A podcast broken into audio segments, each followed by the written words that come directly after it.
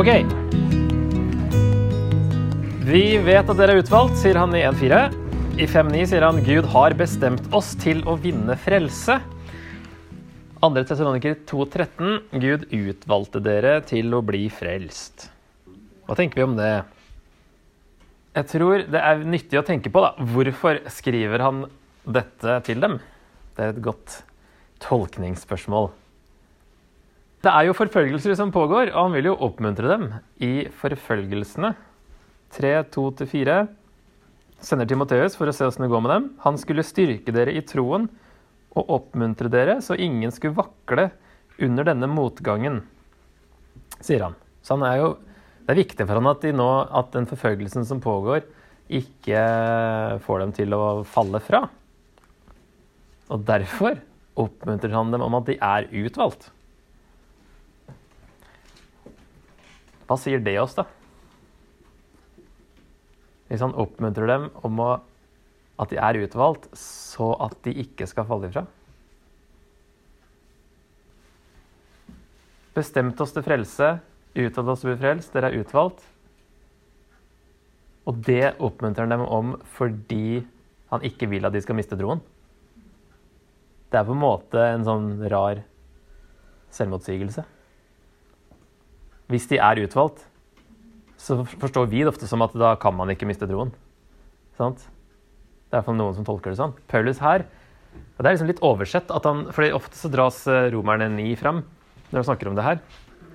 Mens eh, første soniker, det har man glemt. For det brevet her brukes ikke, ikke så mye. Men her er det interessant at han oppmuntrer dem om at de er utvalgt fordi de, han ikke vil de skal falle fra. Så Det betyr jo da at hadde utvelgelsen vært en garanti for at de alltid ville tro, hadde han ikke hatt noen grunn til å være bekymret, og ikke noen grunn til å skrive dette brevet. Hvis det er det som betyr å være utvalgt, og det er kanskje det vi ofte tenker det betyr, men det er ikke sikkert det betyr det. Det ser liksom ikke sånn ut her. At man er utvalgt, det ser ikke ut til å bety at man ikke kan falle fra. Og hvis denne tanken er overtatt fra Israels utvelgelse i Det gamle testamentet, så ser vi jo at der brukes det om hele folket, og ikke individuelle personer. Og Paulus ser ut til å bruke det om hele menigheter. Det er nærmeste man kommer som personlig utvelgelse, er vel kanskje i Romerne 9. da. Så Derfor trekkes den ofte fram. Men her snakker han noe mer kollektivt om hele menigheten, virker det som. Og som, i hvert fall i Gammeltestamentet da, så var hele Israel utvalgt av Gud. Og det var jo tydeligvis fullt mulig for Israel å falle fra selv om de var utvalgt. Det gjorde de jo i bøtter og spann, å si. Stort antall eh, av eh, israelitter som eh, likevel var utvalgt som Guds folk, men eh, tilba andre guder og falt ifra hele veien overraskende mange ganger. Og i så fall, da, hvis den tanken er den samme, og Paulus bruker den samme tanken, så for Nytestamentet så vil det jo si at det er også mulig å falle fra troen selv om man er utvalgt. Men eh, det er greit å få med seg at her bruker han det som en oppmuntring for at de ikke skal falle fra.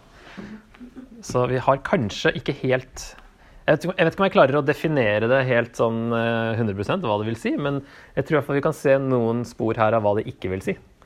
Og det er ting som vi ofte tar for gitt at det er det de vil si. At er man utvalgt, så kan man ikke eh, falle fra. Men det er jo, som dere var inne på, så er det jo en oppmuntring, en sikkerhet for dem. Og det er jo det, det er jo dumt hvis vi hver gang vi støter på et vers som snakker om utvelgelse, så blir vi enten eh, opprømt fordi hva skjer med fri vilje? Eller eh, liksom, at Gud bare bestemmer. Hva med det han ikke velger? Ikke det, er jo, det jo meninga at det skal være en oppmuntring for de som er utvalgt. Altså, vi må ikke henge oss opp i det som, det, det, ikke, eh, det som ikke er poenget. Det er jo en sikkerhet, på en måte. Dere er utvalgt. De kan fortsatt falle fra hvis de bestemmer seg for det. Men det er i hvert fall ikke sånn at Gud plutselig endrer plan, og plutselig så er ikke dere innafor lenger. Det skjer i hvert fall ikke fra Guds side. Så det er jo det er ment som en oppmuntring, da. Så vi har eh, kanskje litt å jobbe med med dette ordet. Utvalgt. Her ser vi Gud snakker om, eller Bibelen snakker om en utvelgelse, og mange steder at Gud har bestemt, som vi ser her. Gud har bestemt oss til å vinne frelse. En ting er er det kollektivt eller individuelt, og hvordan vi forstår dette. Men uansett, da. Gud har bestemt et eller annet, og så har vi likevel Det kommer allerede i neste brev. Står det i 2. tesaloniker um, uh, uh, uh, 2.12. Der står det vel Er det den, da? Det sto ikke like Nei, 2.10 er det. Um, med all slags urett forfører han dem som går fortapt, denne her lovløse personen, fordi de ikke ville elske sannheten, så de kunne bli frelst. Der er det en vilje involvert, da. I neste brev. Ikke sant? Så Paulus, han, For han er det ikke noe problem å snakke om begge deler. I samme, to brev til samme menighet, eller innad i romerbrevet, så går han fra det ene til det andre. Eh, og det er jeg også veldig fornøyd med, å bare trekke på skuldrene og si jeg vet ikke åssen det henger sammen. Bibelen snakker om begge deler på en eller annen måte, så, så har vi en fri vilje, men Gud har likevel han vet framtiden, har forutbestemt, har bestemt ting. Hvordan det henger sammen, vet bare Gud. Og det virker det som jødene klarte å forholde seg til, mens gresk tanke har et problem med Det må være enten-eller. Bokstenkning, svart-hvitt. Kan ikke være begge deler. Mens eh, jødisk tanke kan det kanskje være begge deler. At Gud er stor nok på en eller annen måte til at det her henger sammen. Men vi kan ikke fatte det, for Gud er mye større enn oss. Så derfor må vi, Jeg syns det er et veldig greit svar å bare lande der, at vi vet ikke. og at det er bortkasta tid å diskutere det altfor mye. Fordi Bibelen snakker om begge deler. Vi har et personlig ansvar, samtidig som at Gud har en eh, plan og er større enn oss. Men det dumme er jo hvis det blir en sånn usikker sak som vi går og bekymrer oss over, eller at det blir noe negativt ut av det. For det er jo meningen at det skal være positivt. Um, men han sier jo at han i, vers, uh, i kapittel 1, vers 4 og 5, da, som det verset her er, vi vet at dere er utvalgt. Dere er elsket av Guds søsken, og vi vet at dere er utvalgt. For da vårt evangelium kom til dere, skjedde det ikke bare med ord, men også med kraft ved Den hellige ånd og med full overbevisning. Så det er jo det at de tok imot evangeliet, som overbeviser Paulus om at de er utvalgt. Og det er ikke det at han da etterpå skal begynne å definere om alle som Blant de som tror, er det noen her som ikke er utvalgt? Det gjør han ikke. Det er jo alle som tror, er på en måte utvalgt. I hvert fall i de versene her, får vi inntrykk av. Og så henger det litt sammen med ordet 'kall'. Det er også fem ganger i disse to brevene. Han som kaller dere til sitt rike og sin herlighet. For Gud kalte oss ikke til urenhet, men til et hellig liv. Må Han, fredens Gud, hellige dere helt gjennom, og må deres ånd, sjel og kropp bli bevart uskadet, så dere ikke kan klandres for noe når vår Herre Jesus Kristus kommer. Trofast er Han som kaller dere til dette. Og i andre tes, derfor ber vi alltid Gud for dere at Nei, derfor ber vi alltid for dere at vår Gud må gjøre dere verdige til det kallet dere har fått, Um, og så videre også, for Gud utvalgte dere til å bli frelst, og dere ble helliget ved ånden og trodde sannheten. Dette kalte han dere til gjennom det evangeliet vi forkynner. Så det har vi snakka om tidligere òg, men her ser vi det igjen at uh, når Paulus snakker om kall, så er det først og fremst det største kallet av alle, kallet til å tilhøre Gud. Det er ikke et spesifikt kall over livene deres han snakker om her. Det er hva Gud har kalt dem til. Han har kalt dem til sitt rike, til et hellig liv, til å bli eh, helliget helt igjennom. Um, og Gud må gjøre dem verdige til det kallet dere har fått. Det er òg frelsen, da. Leve et liv som reflekterer frelsen, på en måte. Og dere ble helliget ved ånden og trodde sannheten. Dette kalte han dere til gjennom evangeliet. Så hvis vi, altså vi kan eh, ta med det her med hellighet òg, i en oppsummerende setning, så blir det et kall til å leve hellige liv som leder fram til frelsen. Det er kanskje den spesifikke definisjonen av kall i Tessalonikerbrevene. Men uansett så er det absolutt mest snakk om det generelle kallet til å være Guds barn. Det er liksom kallet i Bibelen. kan jo Gud kalle folk til mer spesifikke oppgaver, men eh, det er ikke så mye snakk om eh, Altså, Vi ser jo det i Gammeltestamentet. Gud utvelger Moses og eh, mange andre til å ha en spesiell oppgave. Um, og også Nytestamentet, av Paulus f.eks. Så sånne ting kan jo skje. Men oftest så er i hvert fall når Paulus snakker om kall, så er det det kallet alle som tror, har fått. Frelse der, er det frelsen som er at Jesus kom igjen, eller er det frelsen om at Jesus holdt død? Det er Ja, for det, frelse kan man også Ja, det er greit å få bare tatt at det her er ikke at de ikke er frelst ennå. At de må leve hellig liv for å bli frelst. det er veldig bra. Nei, dette er når Jesus kommer igjen, da inntreffer frelsen for alvor. Og det snakker, litt sånn i Bibelen så snakker de om frelsen eh, både som noe som har skjedd, at man har kommet til tro, og noe som ligger i framtida. Så her er det den framtidsdefinisjonen, da. At man er, man er frelst nå så lenge man fortsetter i den retningen.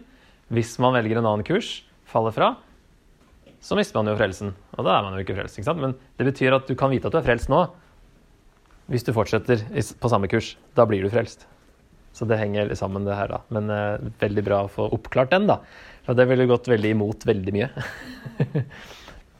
er det sånn at man kan bli frelst flere ganger hvis man faller fra? Av og på båten. Bare Gud kjenner hjertene. Men uh, det ser jo ut som at uh, det om, det om, det er riktig å kalle det for frelst flere ganger. fordi man er jo ikke frelst før helt til slutt. Men av og på den kursen, i hvert fall, kan man snakke om. Men da kan jo dagligspråket kanskje snakke om at man blir frelst flere ganger. Men ikke helt uh, bibelsk kanskje å si det på den måten. Gjør Jesus til herre i livet ditt igjen. Um, ja. For at du blir frelst en gang til. Så sånn sett er det jo sant at uh, en gang frelst, alltid frelst, fordi ingen er frelst ennå. Men uh, ja. Yes, yes. Nei, vi uh, kjører på litt videre. Jeg tar raskt denne avsnittet 1-16 i kapittel 2, der han snakker om hvordan det var da han var der, og hvordan det ikke var da han var der. Så han ramser opp ganske mye sånne ting som han vil forsvare seg mot. Da. At det var, vi, vi drev ikke med Det var ikke villfarelse eller urene motiver. At han farer ikke med svik, aldri med smigrende ord, ikke med baktanker om egen vinning. Og søkte ikke ære hos mennesker. Og Det er liksom typisk ting som falske filosofer da, ble anklaget for å basere seg på. Spesielt kanskje det herre eh, villfarelse og urene motiver og svik. Men det var mange som ville tjene penger på folk, og på mange, mange måter. Og så var det mange av de fremste kvinnene som hadde blitt med i menigheten her. Mange rike damer. Så kanskje Paulus da ble anklaga for å være ute etter pengene til disse rike damene. Så Paulus ville jo ikke bli satt i samme bås som andre omreisende religiøse lærere eller filosofer som prøvde å utnytte folk. Og det er jo derfor han også eh, velger å Altså, vi vet at filipperne sender han noen pengegaver. Blant annet mens han er i Tessalonika, så fikk han en pengegave.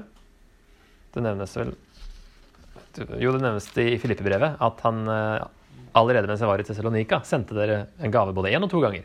Så han har eh, levd på det og jobba ved siden av, kanskje som teltmaker, da, som han gjør i Apostelens gjerninger. Um, ehm, 18 eh, ser vi da. Det er jo rett etterpå. For å ikke være til byrde for dem, sier han. Så han minner dem om åssen det var, at han uh, prøvde ikke å utnytte dem. Og han tar jo da altså Selv om han mottar gaver fra filipperne, så mottar han aldri gaver fra de han er og jobber blant. Han vil ikke være Selv om Jesus har sagt det, kommer til første korinterbrev, selv om Jesus har sagt at en arbeider er sin lønn verdt, og den som forkynner evangeliet, kan leve av evangeliet Du kan få til livets opphold mens du forkynner evangeliet. Så tenker Paulus at ja, det funker kanskje i Israel, funker ikke i den greske verden. Så han går liksom faktisk bort fra det Jesus sier. For han tenker at nei, i den konteksten her så blir jeg misforstått. Det blir en annen type filosof. Jeg velger å klare meg sjøl. Eh, I hvert fall så er han fri til å gjøre det, da. Og det er det poenget til Paulus er òg, at han har gitt opp den rettigheten. Eh, Han er fri til å ikke benytte seg av den rettigheten for å ikke være til byrde, sånn at det ikke skulle bli noen sånne her misforståelser. Så det er eh, spesielt at han, han kunne lett ha bare tjent Fått det han trengte, og kanskje fått betaling òg, sånn ekstra pengegaver. Men han vil ikke ta imot det. Så det sier han her at det har jeg ikke, ikke gjort hos dere heller. Og det er jo kanskje de her jødene i Tessalonika da, som påstår dette her, for å kanskje få de kristne vekk fra troen. Og han, må, han har hørt det kanskje fra Timoteus og må forklare seg litt. da, Og minne dem om hvordan det egentlig var. Eh, I vers 9 så står det at eh, han jobbet samtidig, da. Vi strevde og slet. Vi forkynte Guds evangelium for dere samtidig som vi arbeidet natt og dag, for ikke å være til byrde for noen av dere. Og det ser vi i Apostelens gjerninger 18.3, at han eh, begynte å jobbe som teltmaker der også. Det var liksom det han hadde som inntekt. Og Filipperne 4.16 snakker om denne gaven som han fikk av filipperne mens han var i Tessal- Tessaloniki. Tessalonika. Og så, ja, vers 10-12, at han minner dem om hvordan det faktisk foregikk. da, At det ikke må bli eh, overtalt at det, det var på en annen måte. Dere og Gud selv er vitner om hvordan vi levde hellig, rettskaffent og uklanderlig blant dere troende. Gud selv er vitne på det her, så ikke, ikke tro at det var på en annen måte. Det var den siste punktet. Ja. Ok, og så em, kommer det noen sånne kraftsalve mot jødene på slutten her, da. Er det noen som fikk med seg den? For dere søsken har fulgt eksempelet fra Guds menigheter i Judea, de som er i Kristus Jesus. Dere har måttet tåle det samme fra egne landsmenn som de har måttet tåle fra jødene. De som drepte Herren Jesus og profetene, de som forfulgte oss. De er ikke til glede for Gud og står alle mennesker imot, for de hindrer oss i å tale til hedningene slik at de kan bli frelst, og slik fyller de opp med synd på synd, men vreden har til sist nådd dem. Det her har jo fort i kirkehistorien blitt en stygg greie. Det her med at jødene de liksom drepte Kristus.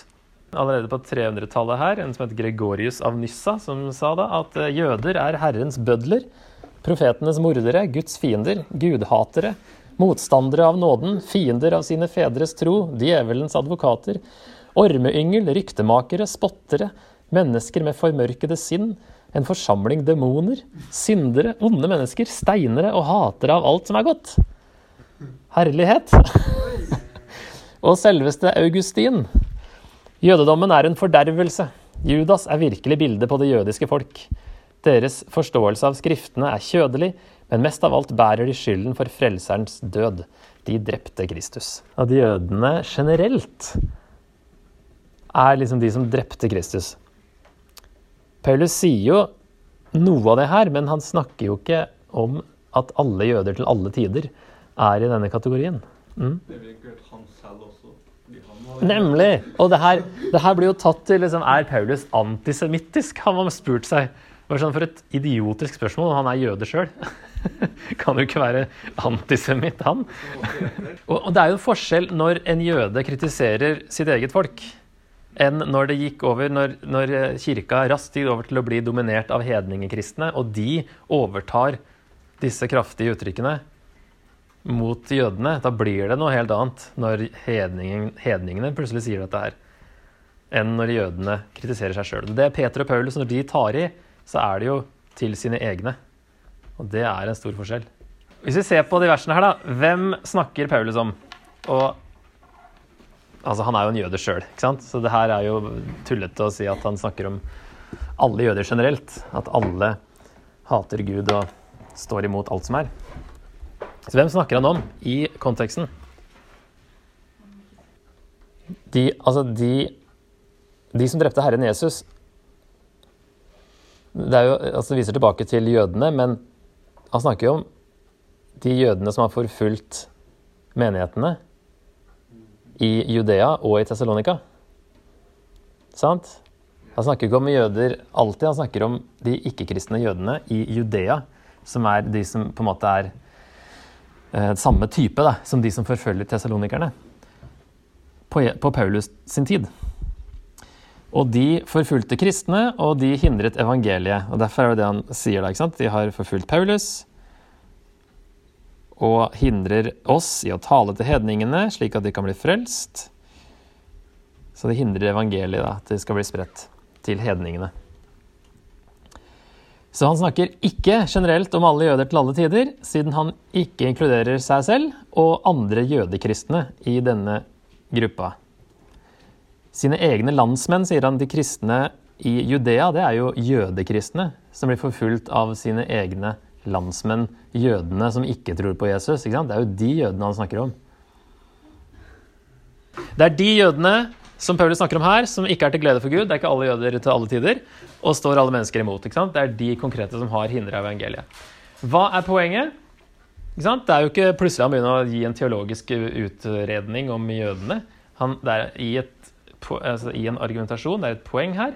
Poenget er jo å sammenligne tessalonikerne med de jødekristne i Judea. Begge blir forfulgt av egne landsmenn. Og ifølge Apostelens gjerninger 17 forfølges også tessalonikerne av jøder. Så det er de opplever det samme, deres egne landsmenn. Selv om de er hedninger, kanskje mange av tessalonikerne, så er de jo landsmenn, for de er fra samme land. Eh, og han vil på en måte oppmuntre dem med at det her, dere er ikke de første som opplever det her. Dere er eh, som de allerede i Judea, helt på starten. Så han vil oppmuntre dem i forfølgelsene om at Gud skal dømme, som han sier på slutten her. Paulus' sin teologi om jødene finner vi i Romerne 9-11, ikke her. For der tar han en mer sånn systematisk gjennomgang. Det her er bare en i forbifarten. Han snakker egentlig om noe annet. Han snakker ikke, i hvert fall ikke om at alle jøder skal kalles Kristus-mordere til evig tid.